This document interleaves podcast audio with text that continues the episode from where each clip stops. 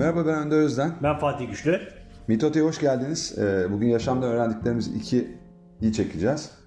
Ee, burada birinci bölümde e, utanç e, kavramının ne kadar bizim hayatımıza etkili olduğunu, suçlamanın, çocukluk e, döneminde yaşadığı insanın kişiliğini zedeleyen olayların ne kadar etkilediğini, ailesi içinde ya da sınıf ortamında ya da sosyal çevresi içerisinde gördüğü şeylerin onu ne kadar etkilediğini ve e, yıllarca bu e, etkilerin e, esareti altında yaşadığını, bunu çözene kadar çok zaman e, geçtiğini Aa, ama hiçbir zaman geç olmadığını tabii.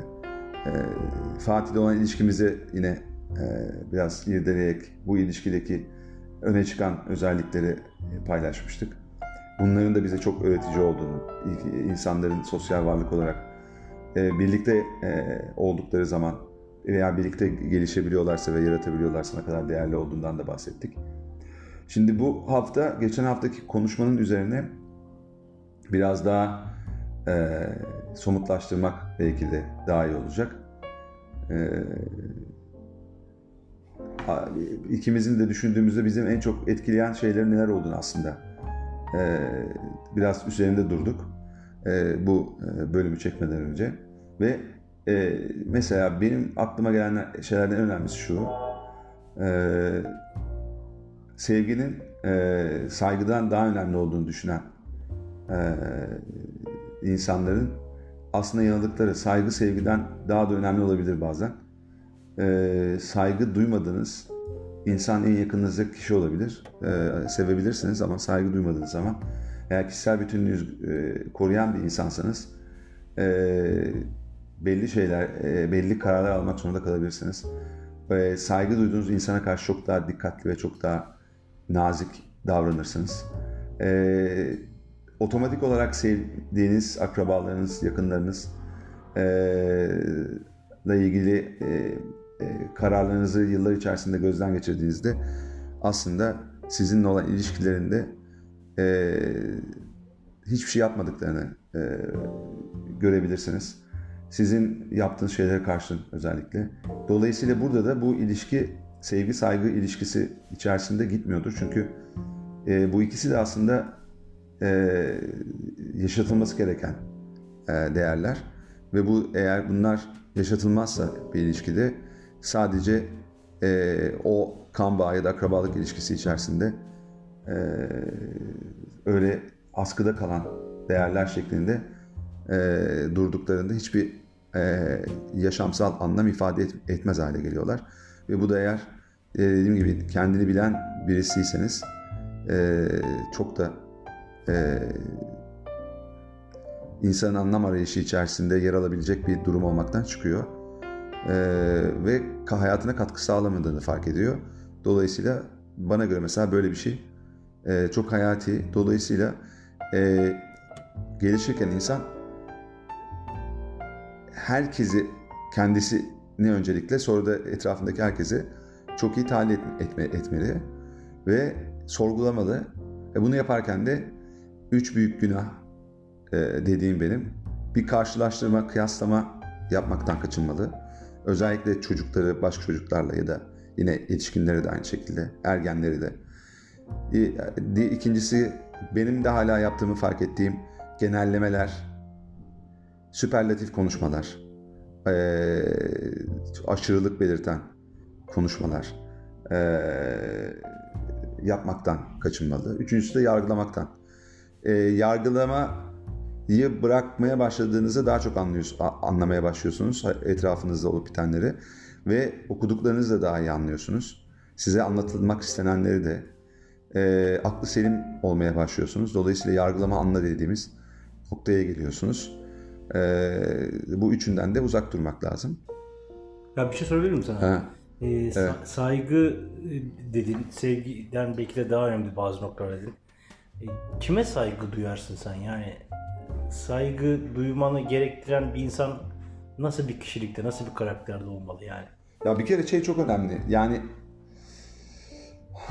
biz bir kere kişisel bütünlüğü e, güçlü olan insanlar bir kere karşında e, saygı duyacağın Ya insanlar. olduğun gibi görün ya da göründüğün gibi, gibi ol. yani. Sözü. e, aynen aynen. Yani e, söz ve eylem birliği demek kişisel bütünlük.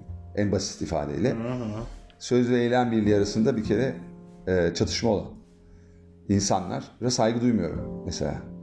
Efendime söyleyeyim yani. Söylediği şeyi yapmayan. Ya da hiçbir ilgi ve alaka göstermemesine karşın e, bu ilgi ve alakayı aslında içten içe bekleyen kalıplar dolayısıyla. Kalıplarla. Yani kültür kültürel kodlar ya da aile kodları nedeniyle e, veya başka kodlar nedeniyle bekleyen insanlar. E, güç ve korku kültürünün etkisi altında davranan, e, ilişkilerde hiyerarşi gözeten, dikey hiyerarşi özellikle gözeten insanlar ve saygı duymuyorum fazla. E, Değerler bilincine yeterli Tabii ki de evet değerler değerler evet, değerler bilinci veya yaşadığı hayattan eee, alması gereken dersleri yaşadığı belki çok korkunç olaylara rağmen yani çok üzücü çok acı verici olaylara rağmen bu dersleri alamayan alamadığı için değişmeyen eee, insanlara saygı duyamıyorum bir yerden sonra. Eee, Osmanlı'dan gelen değişmezlik ilkesiyle hareket eden değişmeyi bir eee, zayıflık ve bir aslında e, özbenliğin kaybı e, yozlaştırılması olarak gören, dolayısıyla bundan sarfı nazar eden e, insanlara saygı duymuyorum. E, yapmadıklarını yapmadım, yapmıyorum, bilerek yapmıyorum. E, hata yaptığını hata yaptım, e, nasıl düzeltebilirim veya etrafındaki insanlara nasıl yardımcı olabilirim diye sormayan, e, desteğe ihtiyacı olan e, insanlara destek olmayan, e, insanlara çok saygı duyamıyorum. Yani, yani ilişki bir bütünlük içinde değerli. Bütünlük içinde eğer e, söz ve eylem birliğinin güçlü olduğu, e, insan insana iletişimin olduğu, Hı hı. e, Psikolojik güvenlik alanı e, sağlandı. Evet, psikolojik güvenlik alanının fazlasıyla e, sağ tesis edildiği, e, roller arası iletişimin e, e, daha az, e, Can cana iletişim daha fazla. can cana iletişimin daha fazla olduğu. Bir kere konuşmaların konuşulabilen ilişkiler. Şimdi sevdiğin insanlara e, bunu hareketlerinde, sözlerinde belli ediyorsun. E, seni seviyorum falan diyorsun ama sana saygı duyuyorum çok fazla demezsin. Seni seviyorum zaten onu da demezsin de. Bizim toplumda özellikle. Toplumda evet özellikle böyle çok sağlık sevgisi güçlü, çok bireyci ya da aidiyetçi toplumlarda. Bunlar çok söylenmez, bunlardan kaçınılır. Bunlar işte şımar, şımartma olarak ya da ya da işte ilişkiyi sulandırmak olarak eee, hafiflik belirtisi olarak bunlar eee, insandaki eee, görülür ve bunlar çok fazla dile getirilmezler. Aslında bütün bunlar çok acı tabii yani. Evet. Yani e, yani içindeki çocuğu kaybeden insanlar mesela. Hmm. Yani içindeki çocuk da e, ba- barışık olamayanlar mesela. Yani tabi bu, bu saygı noktasını çok genişlettim şimdi. İç, iç çocuğunun farkında olmayan, unutmuş insanların çok ciddi nedenleri var aslında. Yani biz de öyleydik bir noktada. Hani Ya Şu- Galiba içindeki potansiyeli keşfetme çabası içerisinde olmayan, Evet. kendi istediği e, bir sürü şey başına gelmesine rağmen onlardan ders alamayan, gelişim katsayısını bu nedenle hep her geçen gün düşünen, düşürdüğü için de hayattan zevk almayarak ya, yaşlandığı oranda da mendeburlaşan insanlar demeye çalışıyorsun sen dersin. Tabii tabii yani evet yani. Ee, e, bence en önemli hayattaki şeylerden biri saygıyı bir yana koyduğumda insanın e, çok mekanikleşerek yaşamaya devam etmesi aslında. Yani demin işte şey okuyordum John Bowlby'nin bu e, attachment bağlanma ile ilgili yazdığı 3 ciltlik e, şeyini e, kitap serisinin ikincisini ayrılma separation denen şeyini bölümünü okuyordum. Orada Sigmund Freud'un e, 1917 yılında söylediği bir sözü gördüm mesela. Yani çocuklar diyor küçükken hiçbir şeyden korkmazlar diyor. Yani ateşte oynarlar, pervazda yürürler. Efendime söyleyeyim. Kendilerine zarar verebilecek her şeyi korkusuzca yaparlar. E, ama e, ve diyor ki e, daha sonrası kaygıyı ve korkuyu öğrenirler. E, ve bu e, onlara verilen eğitimden kaynaklanır. E, eğitim çünkü eğer korku kültürünün hakim olduğu bir e, toplum içinde veriliyorsa isterseniz korku e, egemen bir e, şeyde verilir, e, düzlemde verilir. Dolayısıyla e, diyor ki aslında o eğitim olmasa, o eğitimin sonucunda kendisi kendine e, o zararlı olabilecek, korku uyandıracak o olayları kendi başlarına deneyimlemelerine izin verilse belki de bu kadar kaygılı kork, korku a, ile hareket eden e, insanlara dönüşmeyecekler diyor. Yani şimdi burada baktığında aslında bu eğitim meselesi de çok çok önemli yani. Hani bence biz yani benim yaşamdan öğrendiğim önemli şey yani çocuk ailede ve iki ortam işte hep söylediğimiz sınıf ortamı ve aile ortamı aslında. Hı hı. E sen ilk 7 yıl çok önemli, ilk 3 yıl çok önemli. Sonra 7 yıl. Sonra zaten çocuğun kişiliği artık oturuyor neredeyse. Sen ona ne yaparsan yap belli şeyler değişmiyor. Zaten mizaç dediğin doğuştan getirdiğin özelliklerin zaten çok net içinde kalan şeyler. Onlar onlar yani çok zor değişen şeyler. Sonradan oluşan kişilik özelliklerin işte aileden filan aldıklarını onlar zaten biraz e, hani e, şey yapıp törpülenebilirler veya işte eğer kişi isterse tabii değişebilir hatta dönüşebilir gelişebilir yani bu anlamda. Ama baktığında bence e, şey var e, yani bu, bu eğitim ve bunun yarattığı mekanikleşme ve e, işte kültür robotu haline gelme meselesi e, çoğu kişiyi e, yaşama doğrudan katılma cesaretini içinde bulamamasına neden oluyor. Dolayısıyla yaşama uzaktan bakan seyirci olan e, ve kıyısından köşesinden bir şeyler e, yapmaya çalışan, yaşamla bağlantı kurmaya çalışan, dolayısıyla kendisiyle bir bağlantı kurmaya çalışan e, insanlara dönüşüyor. E, kendisiyle bağlantı kuramayan aslında. Evet tabii. Özüne dönem. Ya, bence yaşamda en büyük öğrendiğim şeylerden biri şu mekanikleşmeyle birlikte gelen bu esneklik, bilgisayar esneklik dediğimiz şeyi aslında çocuğun sahip olduğu bu şeyi kaybet, kaybettiği gerçeği. Yani e, daha konservatif aslında. Daha yine mekanikte yani bir olaya tek açıdan bakan aslında. Çok e, e, farklı perspektiflerden, açılardan bak, bakamaz hale gelen. Dolayısıyla tek bir doğru olduğunu, tek bir gerçek olduğunu, kendi gerçekliğinin en doğru gerçeklik olduğunu. Dolayısıyla işte değişmeye karşı e, savunmacı davranmaya falan iten her şey yani baktığında. E, bizim de içine girdiğimiz süreçler vesaire hep benzer az, benzer. Yani hatta ben şunu inanıyorum yani çok e,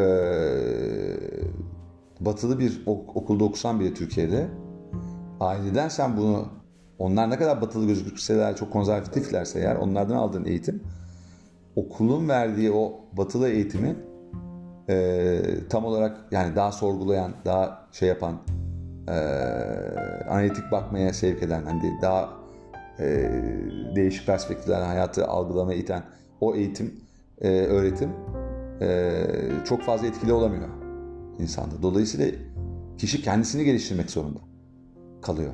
Aslında yalnız. Ya bu da çok önemli bir öğreti bence. Yani insan aslında doğası gereği e, sosyal bir canlı. Dolayısıyla yalnız kalmaması gereken, birileriyle bir şeyler yapması gereken bir canlı. Ama tabi bu evrimsel şeyden teoriyle de e, ispatlanmış, Darwinci e, teoriyle de. Ama ne yazık ki bugün çok yalnız. Çok yalnız çünkü e, yetişmiş olduğu e, kültürün bence etkisi var. Yani sevgi ve değerler odaklı bir kültür olsaydı bizim yetiştiğimiz kültür. Anlayışlı. Yani daha farklı. Hoşgörülü. E, her tabii hoşgörülü, insanların e, fikir ve görüşlerine önem veren, farklı fikirlerin e, ortalara hiç çekinmeden söylenebildiği, yani o güvenlik ortamının olduğu, paylaşıldığı o fikirlerle, fikir tatillerle e, birlikte gelişilebildiği evet. bir ortam olacaktı. Yani ben de bir takım şeyler hayattan ne öğrendiğime ilişkin notlar almıştım programdan önce. Yani seninkilerle kesişiyor. Yani mesela benim, benim de e, notlarım arasında e, çoğunluğun her dediğinin doğru olmadığını öğrendim e, önermesi var mesela. Yani demin bahsetmiş olduğun o mekanikleşen sistemde aslında e, birçok şey e, genellemeler halinde tek gerçeklik olarak ortaya konuluyor. O, o da tek doğru şeklinde e, içselleştiriliyor. E, aslında çoğunluğun e, kabul ettiği her şeyin e, tek doğru olmadığını ben açıkçası öğrendim. Yani aslında baktığında da hani laiklik dediğimiz sistemin e, altyapısını da bu oluşturuyor. Her türlü fikire e, saygı duymak ve e, o fikirlerin tartışılmasına, ortaya koyulmasına e, izin vermek. Laikliğin aslında temelinden, temel altyapılarından birisi bu ve devlet e, her türlü fikre karşı e, aynı eşit seviyede durabilmeli. Eşit mesafede. Eşit mesafede dur- durabilmeli. E, bu e, çoğunluğun söylemiş olduğu bir görüş de olabilir. Azınlıktan gelen bir görüş de olur. Hatta bir kişinin bir görüşü de olabilir. Yani bu bir yazardır, bir gazetecidir. E, nasıl söyleyeyim? Yani Kanaat önderidir. e, kanaat önderidir. E, onun o görüşü vardır. Ona karşı da yani devletin görevi mesafeli olabilmeli ve e, halkın içindeki kesimler de yani dışsallaştıran, düşmanlaştıran, e, hatta e, yeri geldiğinde dehumanize eden, insansızlaştıran bir e, yapıda o, o görüşe karşı durmamaları lazım. E, bu olgunluk seviyesine maalesef bugün e, ülkemiz e, bazında sahip değiliz. Hani neye götürüyor tabii bu kalıplaşmış e, yapı? İşte e, senin önerini okumuş olduğum bugünlerde bir kitap var Irving e, Ya- Yalom'un. E, Nietzsche e, ağladığında e, ismi kitabın. Yani orada yaşam tuzağı dediğimiz bir kavram var. Yani çok önemli bir kavram bence. Bu kalıpların e, genelinin hakim olduğu bir kültürde e, tek doğruların, genellemelerin e, daha ziyade benimsendiği bir toplumda insan ister istemez kendisi olamadığı gibi e, sanki kendisinin hayatını yaşıyormuşçasına o kalıbın doğruluğuna inanarak e, bir takım eylemlerle aslında tamamıyla istemediği bir hayat çizgisini kendine yaratabiliyor. Yani kitapta e, böyle bir e, hayat dizgesi içerisinde olan e, Breuer e, o da yani e, tarihte yaşamış e, ünlü e, yani e, psikanaliz e, sisteminin geliştirmesinde e, ön ayak olmuş önemli tıp insanlarından birisi. E, ve yaşam tuzağından e, aile hayatında, e, karısıyla olan ilişkilerinde e, içine girmiş olduğu e, o sıkışmış e, düzende bunalan e, bir yapıyı anlatıyor. Ben e, bir şekilde yani e, sorgulayan e, bir karakter olduğum için e, en başta e, annemle babamın e, evlilik ilişkisindeki e, Açmazlara bak. açmazlara baktım. Yani kötü gidişata baktım. E, burada bir tuhaflık var.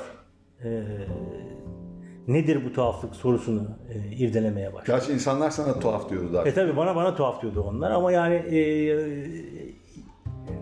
yani anne baba arasında e, e, ki evlilik ilişkisi e, kötü giderken bana onlar tarafından e, zamanı geldiğinde benim de evlenmem gerektiğini söylemesi aslında söylenmesi aslında bir tezat.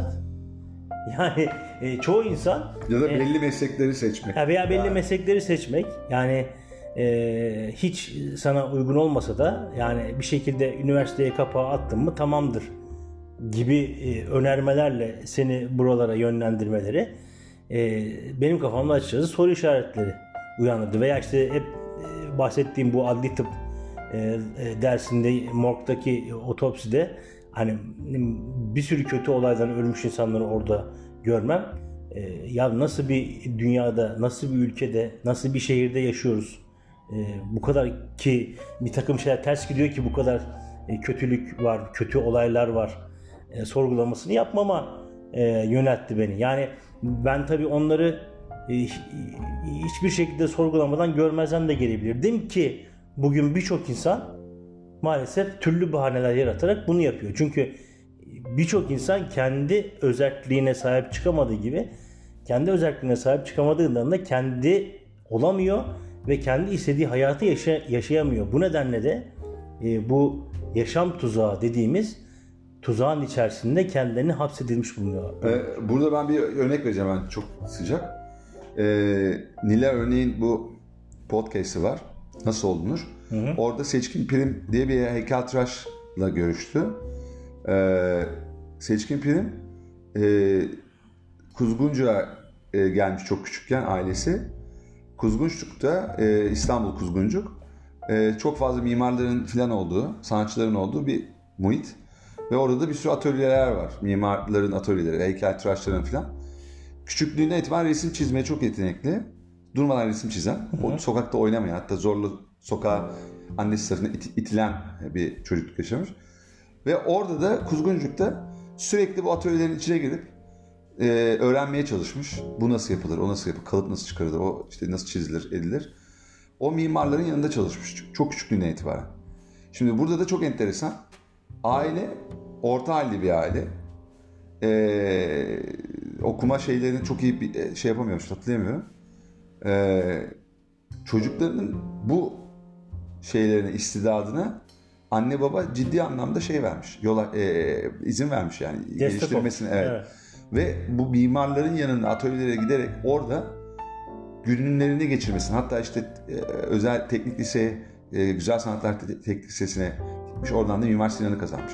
Mimar Sinan'ı kazanmadan yani hem teknik lise sınavına girerken hem de Mimar Sinan Üniversitesi'nin sınavlarına girerken güzel sanatlara hep bu atölye sahibi olan mimarlar çalıştırmış onu. Onlar çok yakın ilişkiler kurmuş. Yani çok ciddi Türkiye'de ünlü olan insanlar bu şeyde alanlarında. Büyük bir şans ve bunu bu yani mesela yaşam tuzağına düşmemiş seçkin primi. Evet. Ve bugün evet. Louis Vuitton'dan tut bir sürü şeyin e, ünlü markanın hem Türkiye hem şeyde sergiler açan kağıttan şeyler yapan, çal, kağıtla çalışan heykel şeyini kağıt üzerinden yapan, değişik formlarda yapan e, bir yapı çok teknolojiyi yakından takip eden e, teknolojik yenilikleri e, sanatına e, şey yapan, e, birleştiren, e, farklı e, sanat şeyleri, e, açılımları kendi alanında e, şey yapan bir yaratan, hatta bu anlamda etki yaratan e, birisi ve daha 45 yaşında. Çok güzel. E, Bravo. Dolayısıyla mesela burada da ailesi e, onu çoğu ailenin yapmayacağı e, biçimde. Tabi orada eminim mimarların vesaire oradaki heykeltıraşların sanatçıların da çok etkisi olmuştur. Geri Muhitteki, bildirimleri var tabii. Tabii tabii. Aman bu çocuğu şey yapın, aman bu çocuğu e, burada kalmasını sağlayın falan. Yeteneği var bunun. Evet. E, ve layıkıyla yapıyor. Çok e, şey e, çalışkan bir insan. Sürekli 7 gün çalışıyorum diyor falan böyle yani. Bayağı kaptırmış. Rüyalarına giriyor, uyanıyor falan. Yapacağı iş düşünüyor falan. E, o şeyi bulmuştuk yaşam amacını aslında şey yapan, dolduran, onu onu yaşamasını sağlayan bir yeteneğiyle doğru orantılı bir meslek aslında edinmiş ve bu noktada da pişman değil hiçbir kararından. Yani ya ben niye böyle yaşıyorum, niye böyle yaptım, ya, ya, bana söyleneni yaptım filan demiyor. Ben istediğimi yaptım yani. Çoğumuz bunu yapmadık. Yapmadık evet. Mesela ben kendi adıma mesela psikoloji okuması gereken birisiydim bence. Evet doğru. Yani mesela hukuktan önce bunu bunu niye yapmadım? Çünkü psikolojiyi hiçbir şekilde şey yapamazsın. Türkiye'de bir yere gelemezsin. O gün çünkü herkes o gün koşullarda bakıyor. Geçmiş mi bugüne bakarak. Geleceği düşünmüyorlar. Yani bu ne olur? Veya dünyayı araştırıp da işte çocuğum bu alana kaysın işte Fransa'da, Almanya'da, İngiltere'de vesaire müthiş işler yapılıyor psikoloji alanında ve oralara göndeririz belki burslar alabilir e, filan yani hani ya mutlu olacağı gerçekten istidadı olan bir şey yapsın. Belirginleşmiş bir istidat var orada yani. Mesela benim çok belirgindi yani insanlarla olan ilişkilerim, arkadaşlarımla, onların aileleriyle falan çok yaşıma göre olgun, çok gözlemleyen, yalnız başına kalan, e, farklı konular konuşmayı seven, yaşına e, pek yaşıyla örtüşmeyen hani konular. Çok iyi dinleyen filan bir yapı yani. Bunlar hepsi aslında bir psikoloğun e, ya da bir psikiyatristin sahip olması gereken özellikler. Yani bu, bu özellikler zaten seni o mesleğe aslında yönlendiriyor, yönlendiriyor it, iten şeyler. Şimdi buralarda mesela hiç ben tercih yapmıştım. Tercihin sonucu e, tercihler arasında kesinlikle psikolojiyi seçmemiştim. Hani tıp neyse hani matematik zekası vesaire benim hani e, bir yere kadar benim. E niye yapmadım ben bunu? Evet yani e, o e, farkındalık ve bilinç yoktu. Ailenin yönlendirmesi de yoktu. Tabi bir yerden sonra da işte dediğim gibi e, biz de e, belli dönemlerde e, Doğan Hoca'nın söylemiş olduğu bir kültür robotluğu yaptık açıkçası. Yani bir takım şeyleri tekrar yeniden yapmak kolay gelmedi. Yani yeni baştan bir üniversite bitirmişsin. Ee, çevrenin ve ailenin tepkisinden de endişe ediyorsun. Artık o kalıplar ve o mekanizma, mekanik e, ne diyelim ona e, sistem sayesinde artık senin e, işine e, sahip olman, para kazanman, işte ev bark sahibi olman, evlenmen, çocuk sahibi olman gibi bir takım merhalelerden geçmen gerekiyor. Şimdi o noktada da yani o beklentilerin olduğu bir dünyada yok kardeşim bu bana uymuyor. Ben bir daha üniversite sınavına gireceğim.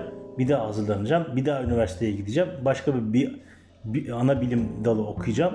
Demek cesaret istiyor o cesarette o kalıplanmış kafa yapılarında bizlerde mesela yokmuş. Bende yokmuş demek ki yani.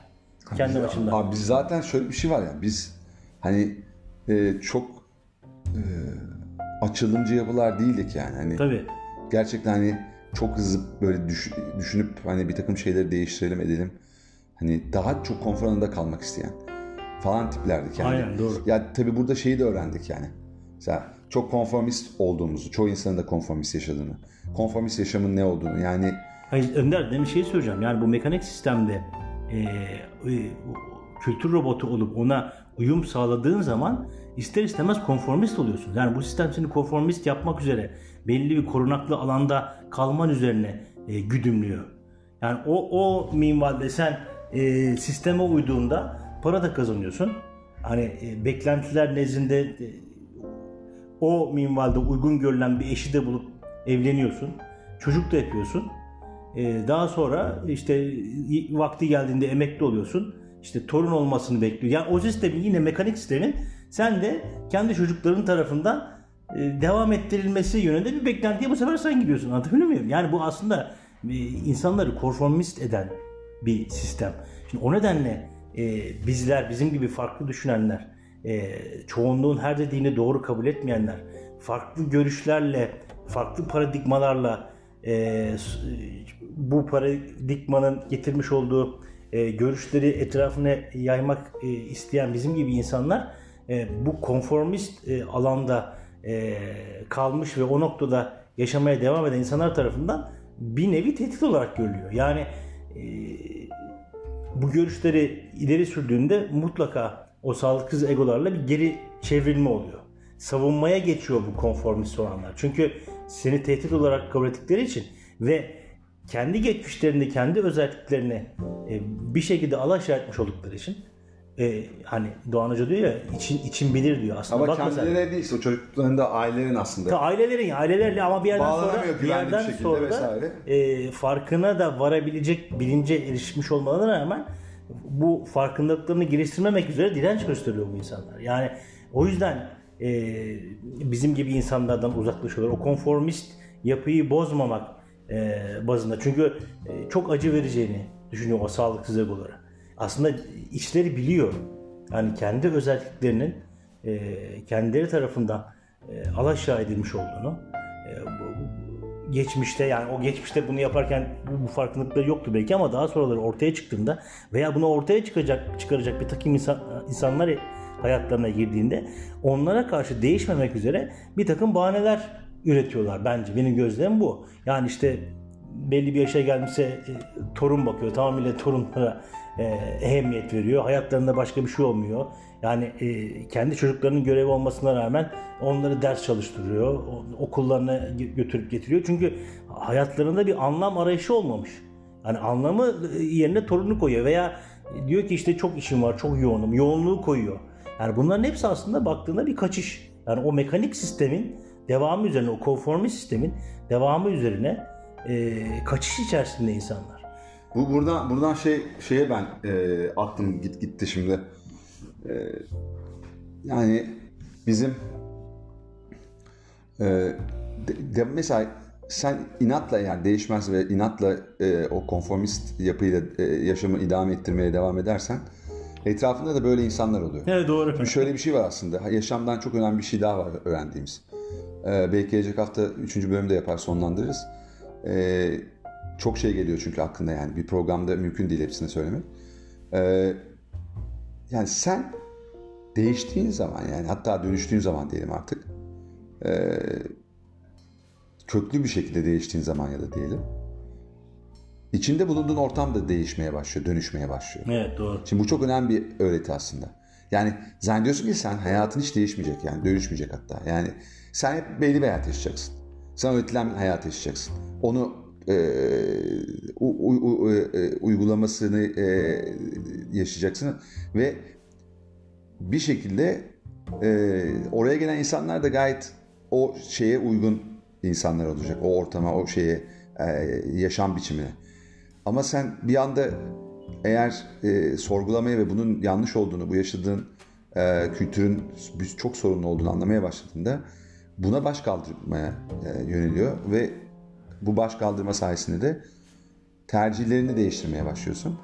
Ve e, daha önce belki hiç eleştirmediğin e, veya hiç farklı bakmayı aklına dahi getirmediğin, farklı açılardan değerlendirmeyi hiç düşünmediğin meseleleri, insanları o e, çerçevede değerlendirmeye başlıyorsun. Ve şunu görüyorsun, gerçekten sen dönüştükçe etrafındaki insanlar da değişiyor. Yani içine girdiğin ortamlar değişiyor. Konuştuğun, iş yaptığın insanlar değişiyor. Hayatın yani şunu düşünmemek lazım. Ben belli bir ortamda, belli bir aile aile içine doğdum ve ben aldığım eğitim vesaire benim yaşam şeyimi, çizgimi bu hale getirdi ve ben bunu idame ettireceğim. Zaten bu en doğal olan, en doğrusu. Değil, hayır. İşte orada kendini bilme, kendin gibi olmak. İşte otantik özelliklerin aslında. Şimdi otonomi e, kavramı, otantik olma ve e, e, özellik otonomi aslında bu iki kavram çok farklı. Yani ikisi birbiriyle çok alakalı ama farklı kavramlar. Birisinde özelsin yani kendi başına kararlar alabiliyorsun, kendi kendine yetebiliyorsun. Self determinasyonun güçlü. Otantikte de seni herkesten ayıran özelliklerini e, ifade edebiliyorsun.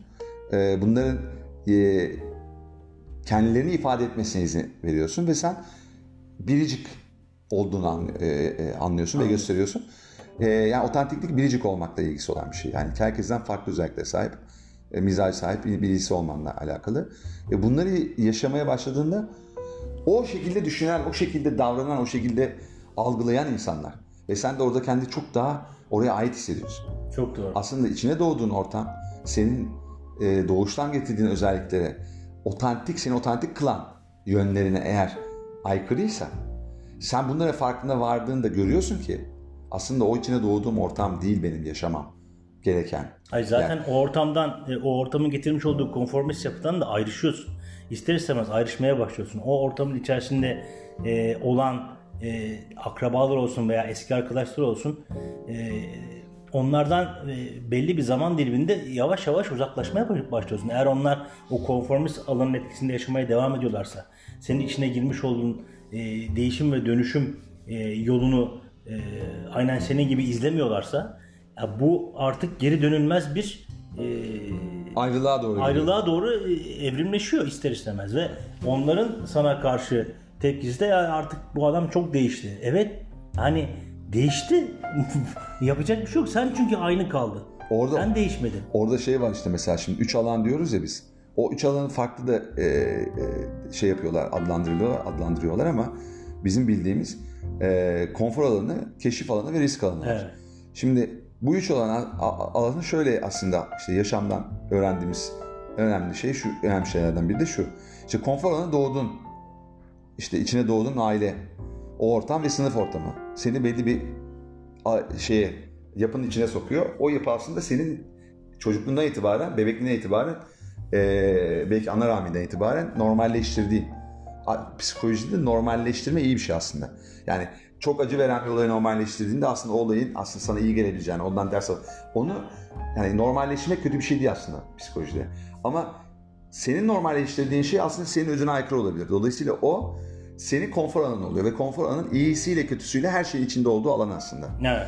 Şimdi bir kere bunu şey yapıyoruz. Sonra sen bir anda sorgulamaya başlıyorsun. Diyorsun ulan benim bu e, hayat yaşadığım hayat bana iki beden küçük geliyor yani. Ben burada sıkışıyorum yani mesleğim bana uygun değil veya yaptığım mesleğim içerisindeki branşımı doğru seçmemişim onu değiştireyim veya başka bir meslek seçeyim filan buralarda da hep zorluklar yaşıyorsun yaşına bağlı olarak özellikle.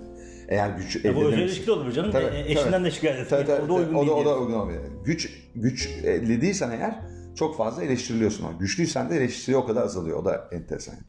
Ve ondan sonra sen e, sorgulamaya başlayınca ne oluyor? Konfor alanından çıkıyorsun. Risk alanına giriyor. Şey gibi düşünelim yani ev bir bir bir, e, bir, bir, bir şey düşünelim. Bir tane yapı düşünelim. E, dört duvar bir çatı.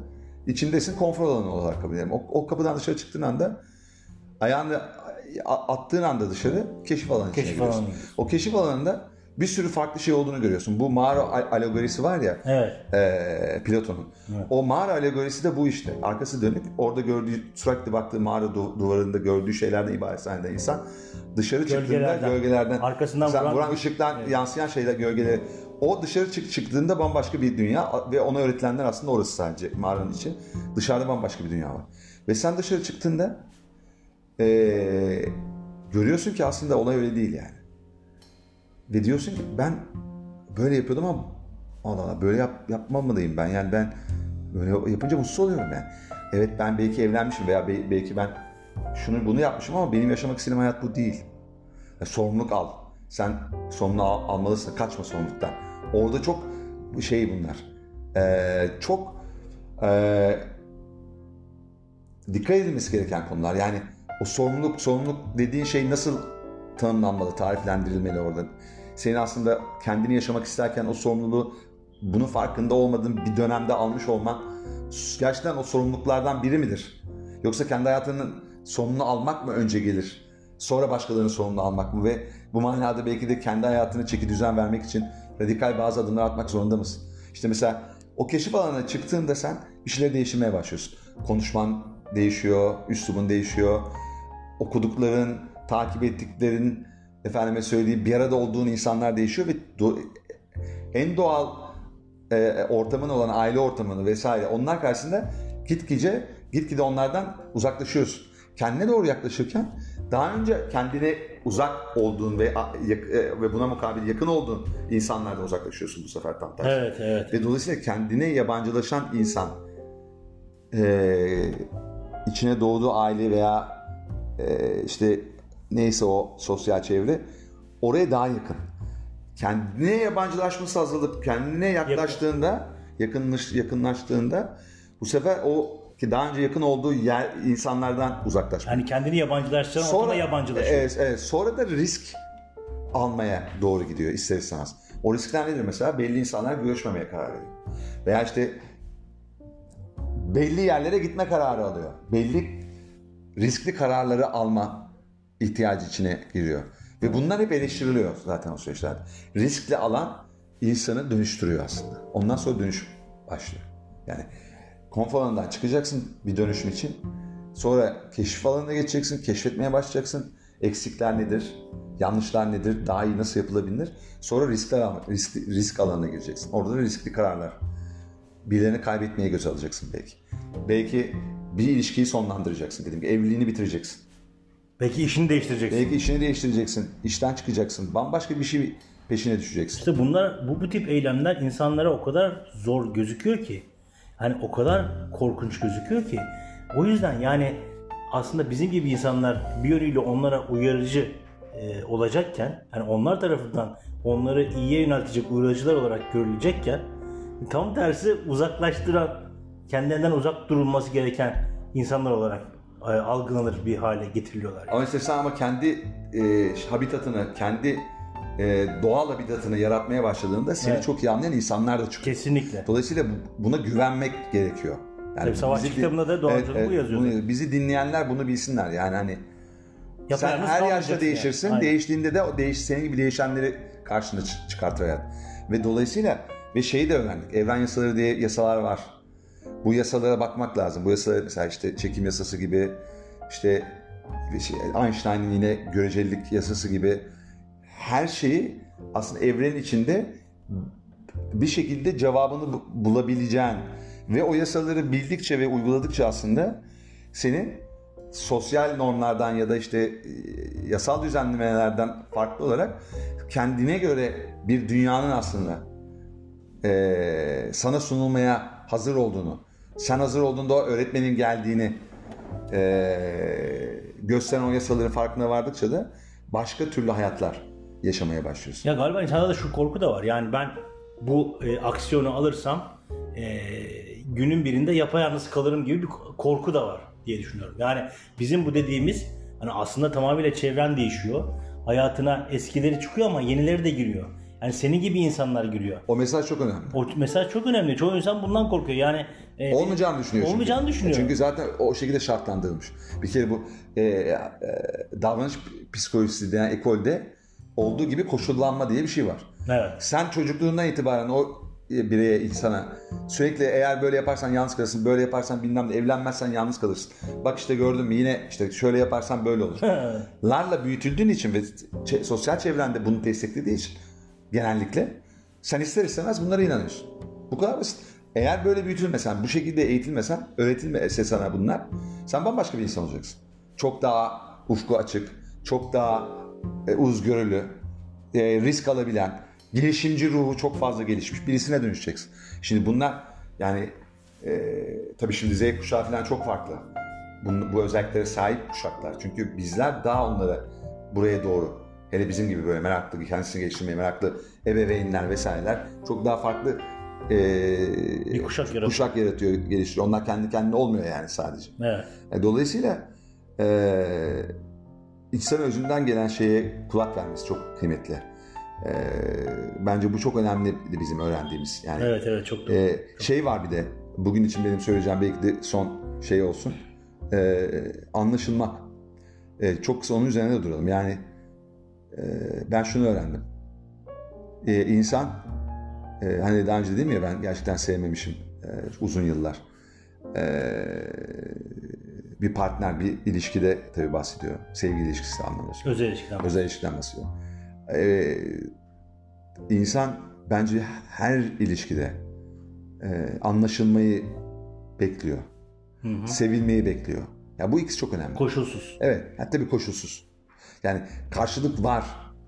Koşulsuzluk aslında karşılıklık hiç içermiyor değil. Aslında aslında beklenti de var yani. E, silahların, eşit, silahların eşitliği ilkesi mesela çok kıymetli bir ilkedir hukukta.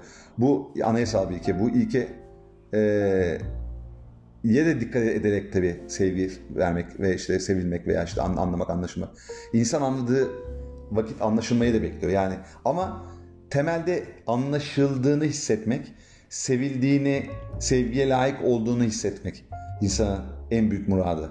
Yani bu, bu, bu bunun farkına varması lazım herkesin. Yani neden mutsuzun soru mutsuzluğun soru mutsuzum sorusunun cevabı aslında bu iki şeyde bir sevilmeye layık olmadığını, sevgiye layık olmadığını, diye de anlaşılmadığını düşünen insan mutsuz aslında.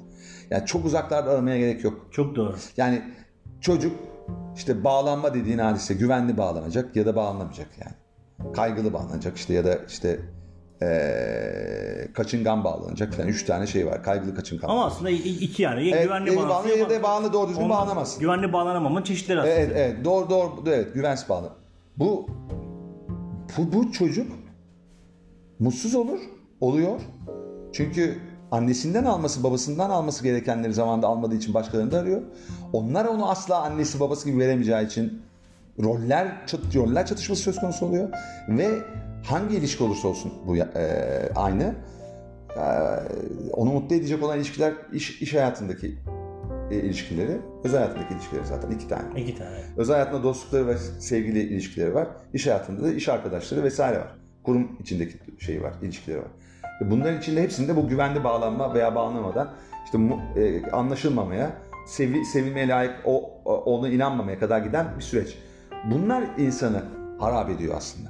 Evet doğru. Değişmeyen insanların temelinde de bu yatıyor aslında. Gerçekten anlaşılmadığını hissediyor aslında. Yalnızlık. Yani ben yalnızım diyerek aslında evlilik hayatını sürdürüyor. Ben yalnızım diyerek ebeveyn rolünü sürdürüyor. Ben yalnızım diyerek e, mesleğini evet. icra ediyor. Yani yalnız aslında. İçi biliyor. içerisinde yalnız. Yalnızlık işte evet. Ya aslında şu var yani anlaşılma eyleminin temelinde de bence yani koşulsuz sevgi var diye düşünüyorum. Yani ben seni bir gün ofise gelsem son derece sıkıntılı görsem yani ne oldu abi yani bir anlat bakalım bana yani nedir ne değildir ben seni anlamak istiyorum ve can kulağıyla e, dinlemek isterim ben seni açıkçası. Niye Tabii. bunun temelinde aslında sevgi var. Hani sevdiğim bir insanın e, o sıkıntılı e, durumunu giderebilmek için e, destek verme ihtiyacı var. Yani destek değeri var. Aslında bunların e, temelinde sevgi kaynaklı. Hakikaten gerçekten e, gerçek sevginin değerini bilmiş, koşulsuz sevginin ne olduğunu bilen bir insan karşısındakini e, anlamaya çalışır e, ve bu, bu yönüyle de ona kendini değerli hissettirir diye düşünüyorum. Ama bu, bu şey yoksa baştan itibaren yani koşulsuz sevginin olmadığı yerde kabul de yoktur bana göre. E, böyle bir ortamda o kişi derdini anlatsa bile karşı taraf onu o kabulle dinlemediği için ve gerçek koşulsuz sevgi de olmadığı için içerisinde e, dertte olan kişi ister istemez anlaşılmadığını hissedecek. Çünkü bir de yargılanacak zaten. Yargılanacak, Akıl verecek aynen. ya karşı taraf. Aynen, Akıl verecek ya. aynen. Bak oğlum şöyle yapma bak bak yine aynı şeyleri yapıyorsun. Aynen. Ben sana daha önce bunları anlattım zaten. Dinliyor ama aslında yargılayıcı bir tutumla dinliyor. Evet, kendi gerçeğine göre yani. A- anlamak için dinlemiyor. Evet. Orada şey de var tabii. Terk edilme de var. Şimdi şimdi biz terki falan konuştuk daha önceki Evet. bölümlerde ama şimdi son dönemlerde üzerine duruyoruz yine bu konunun. Terk sadece e, fiziken ayrılmak e, yani separation e, bir, bir, birisinin diğerini terk etmesi şeklinde değil. Sadece böyle olmuyor. Bir de sözlerinle. Hmm. Evet. Dinlerken dahi. Anlayışsızlığınla. Gözlerinle süzerken dahi. Evet doğru. Onu terk ediyorsun. Doğru doğru doğru. Dolayısıyla sen onu anlarken dinli, dinlerken anlamak için değil, yargılamak için dinliyorsan terk ediyorsun her an ve kar- karşındaki insan bunu hissediyor duyularıyla. Senin söylemene gerek yok zaten. Senin ön yargılarını hissediyor, onun ya- yarattığı e, frekans, olumsuz negatif frekansı algılıyor ve kötü hissediyor, daha da kötü hissediyor. Ya şey de olabilir tabii terklerin içerisinde. Ya boş ver nasıl olsa geri geçer gibi hiç meselenin derinine inmeden Tabii, tabii. geçiştirmeler. Bu da terk mesela. Tabii şakaya vurmalar. Şakaya ha, öyle mi? Ha, Sarkastik hakikaten. yaklaşma. Ha, sarkastik yaklaşmalar. Yani, yani şeyi de- yani bir de şu var. Güvensiz, kendine güveni olmayan veyahut da işte kendisine karşı katı tutumlar sergileyen, yargılayıcı olan insanlar karşısındaki insanları yargılıyorlar. Çünkü neden? Bir şekilde yansıtıyorlar. Kendi işlerindeki sıkıntıları karşısındakine yansıtarak sen bak böylesin, sen öylesin diyerek yargılarken kendilerine duydukları öfkeyi biraz olsun dindirmeye çalışıyorlar. Doğru. Yani baktığında aslında anlaşılmak, sevilmeye layık olmak, sevgiye layık ol- o- olmak e, karşımızdaki ins- insanın bizi terk etmemesi. Bizi yani kızdırdım ben seni mesela. Sen aynı şekilde tepki verdiğinde terk ediyorsun beni. Ben çocuğum sen babasın veya annesin. Bağırıyorsun, çağırıyorsun bana. Terk ediyorsun beni aslında. Yanımdasın ama yoksun. Bir şey söylüyorum sana. Sen benim çocuksu davranışlar içerisine girip eee, doğru davranmadığımı ve sürekli uyarmana rağmen aynı hatayı yaptığım için artık istihap haddini taşırdığımı falan söylüyorsun. Evet, böyle olunca da hak, eee, hakkıdır. Hani kö- kötek noktasına kadar Ha. gidiyor bu adamın. Yani ama orada hep terk var. Dayak da bir terk bence. Evet doğru. Ya bütün bunlar o insanı örseliyor. Dolayısıyla bence yaşamda öğrendiğimiz en önemli şey sevdiğimiz, gerçekten sevdiğimizi iddia ediyorsak önce çocuklarımıza, önce kardeşimize, önce yakınlarımıza, sonra et- işte daireler şeklinde birinci daire, ikinci daire, üçüncü daire, dördüncü daire oradaki insanlara belli şeylerde e, tandanslarda ve e, ağırlıklarda yani ve niteliklerde o şeyi anlamayı, o yargılamadan dinlemeyi, sevmeyi vermemiz lazım. Belki de sevginin en büyük göstergelerinden birisi bu. Yani hep söylüyorum George Orwell demiş ya bazen anlaşılmak Evet. sevgiden daha önemlidir. Belki Tabii, de tabii. anlaşılmak sevgiden daha önemlidir. Tabii. Diye bir sözü var hakikaten de e, mesele oraya doğru gidiyor diye düşünüyorum. Evet. Yani bunlar mesela bu ikinci bölümün gayet güzel. Evet. Evet. Ee, yani toparlayıcı unsurları bence olabilir. Evet. Ee, gelecek hafta son bir bölüm daha yaparız bence. Orada da ee, belki de daha hikayeleştirerek anlatırız. Hani bizim kendi hayatımızdan örnekler vermeye çalışırız. Biraz üzerine düşünürüz bu bir hafta. Evet, evet. Ve hani e, yani bu olaylarda ben bunları yaşadım ve bunları hissettim. Şimdi aklıma gelen bazı şeyler var ve bunlar hakikaten bunun e, sonucunda olmuş. Falan şeklinde anlatırız ki o daha da iyi anlaşılır. Bir de aklıma şey geldi. E, biz kavramlar diye bir seri de yapabiliriz. Yani kavramlar 1, 2, 3 gibi. Hmm. Bütün bu kavramları biz yazarız bir yere şeyden önce.